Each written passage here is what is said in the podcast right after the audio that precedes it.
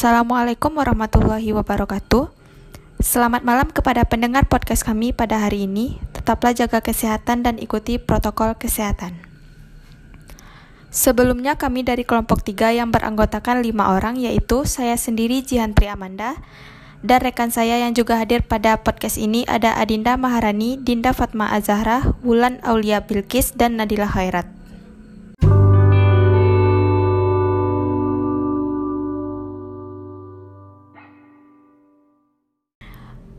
Pada kesempatan kali ini, kami akan mendiskusikan tentang tahapan apa yang harus kita lakukan dalam eksplorasi ide dan peluang bisnis sehingga menciptakan model bisnis baru. Jika kita membahas mengenai tahapan yang harus kita lakukan dalam eksplorasi ide dan peluang bisnis sehingga menciptakan model bisnis baru, ada lima tahapannya. Yang pertama yaitu target sasaran pasar. Target pasar merupakan istilah yang penting kita ketahui sebagai pengusaha, di mana kita harus mampu menentukan target pasar terlebih dahulu sebelum kita melakukan pemasaran produk. Dalam menetapkan target pasar, kita harus terlebih dahulu melakukan segmentasi pasar dengan cara mengelompokkan konsumen ke dalam kelompok dengan ciri yang hampir sama. Penentuan target pasar ini penting karena perusahaan tidak mampu melayani semua konsumen atau pembeli di pasar karena beragamnya kebutuhan dan keinginan. Oleh karena itu, perusahaan perlu mengidentifikasi bagian pasar mana yang akan dilayani sebagai target pasar.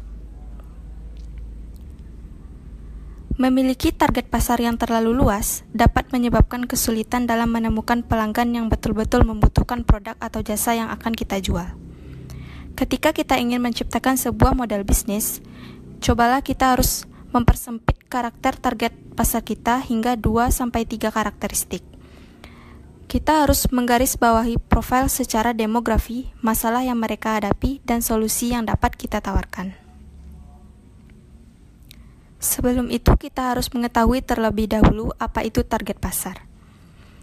Target pasar merupakan suatu kelompok konsumen yang menjadi sasaran pendekatan perusahaan untuk membeli produk yang kita jual. Singkatnya, target pasar merupakan kelompok yang akan dilayani sebagai konsumen. Target pasar biasanya mempunyai rentan umur, sifat, dan karakter yang hampir sama. Beberapa hal yang akan kita dapatkan dengan menentukan target pasar sebelum memulai suatu bisnis. Yang pertama yaitu dapat menempatkan gagasan pemasaran dengan lebih jelas. Yang kedua, mengatur produk menjadi lebih baik. Yang ketiga, menemukan dan membandingkan kesempatan pasar. Yang keempat, mengelompokkan budget yang dimiliki secara tepat. Yang kelima, menciptakan daya tarik di bidang pemasaran. Dan yang keenam, perusahaan akan berada pada posisi yang lebih baik. Jika kita membicarai mengenai target pasar, di sini saya akan mengambil contoh pengusaha di bidang kuliner yakninya Ruben Onsu yang mana bisnis kulinernya yaitu geprek bensu.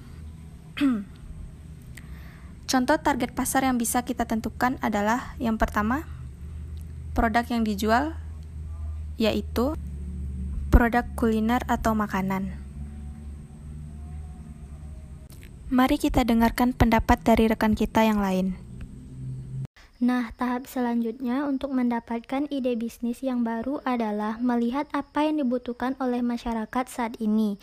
Bisnis memang awalnya melihat apa masalah yang dihadapi masyarakat dan menemukan solusinya.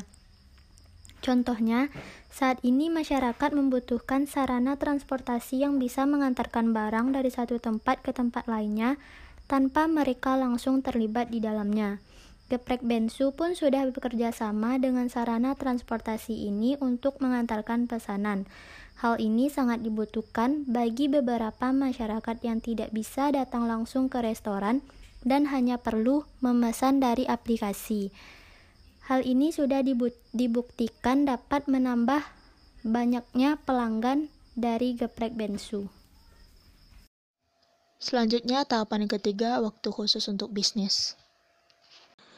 Seorang pembisnis harus selalu melakukan perhitungan terhadap risiko, yaitu risiko yang terukur.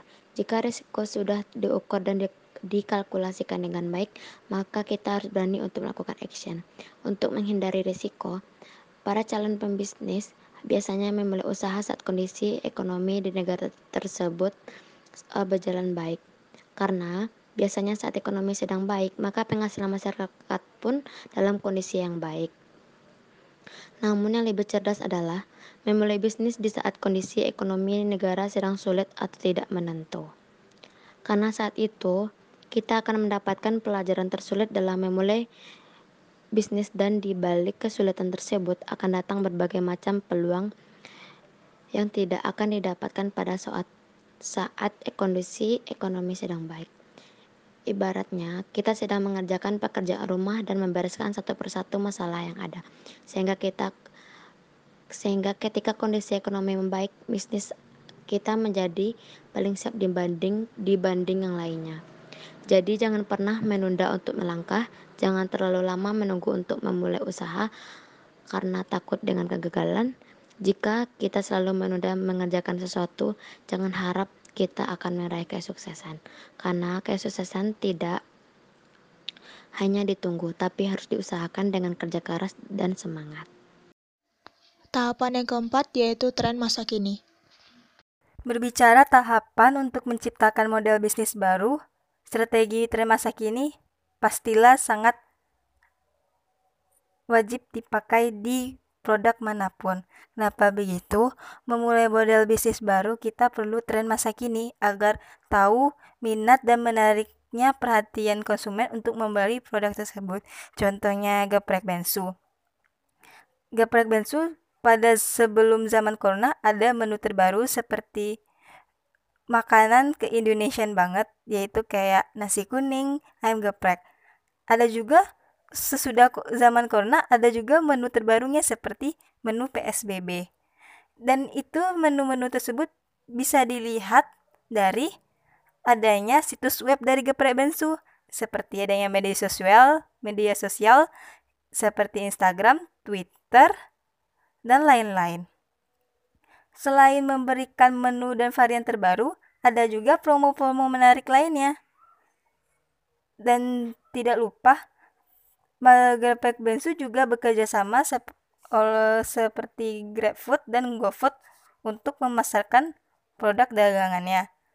Dan itu bisa membuat konsumen yang yang awalnya malas pergi ke sana bisa tinggal di GoFoodin aja gitu. Jadi, menurut saya, itulah tren-tren yang dipakai geprek bensu. Tahapan selanjutnya yaitu belajar dari orang lain. Untuk lebih pahamnya, saya kasih contoh deh.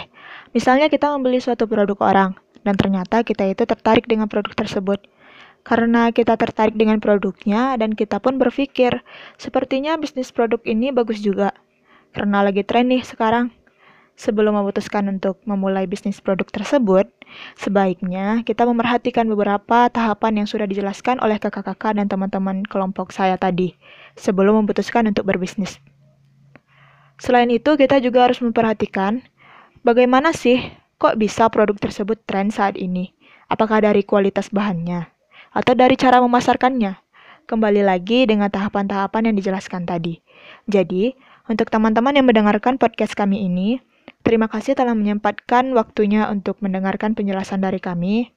Mungkin ini bisa jadi tips dari kami untuk teman-teman yang ingin memulai sebuah bisnis kecil maupun besar. Semoga bermanfaat. Assalamualaikum warahmatullahi wabarakatuh. Selamat malam teman-teman semua.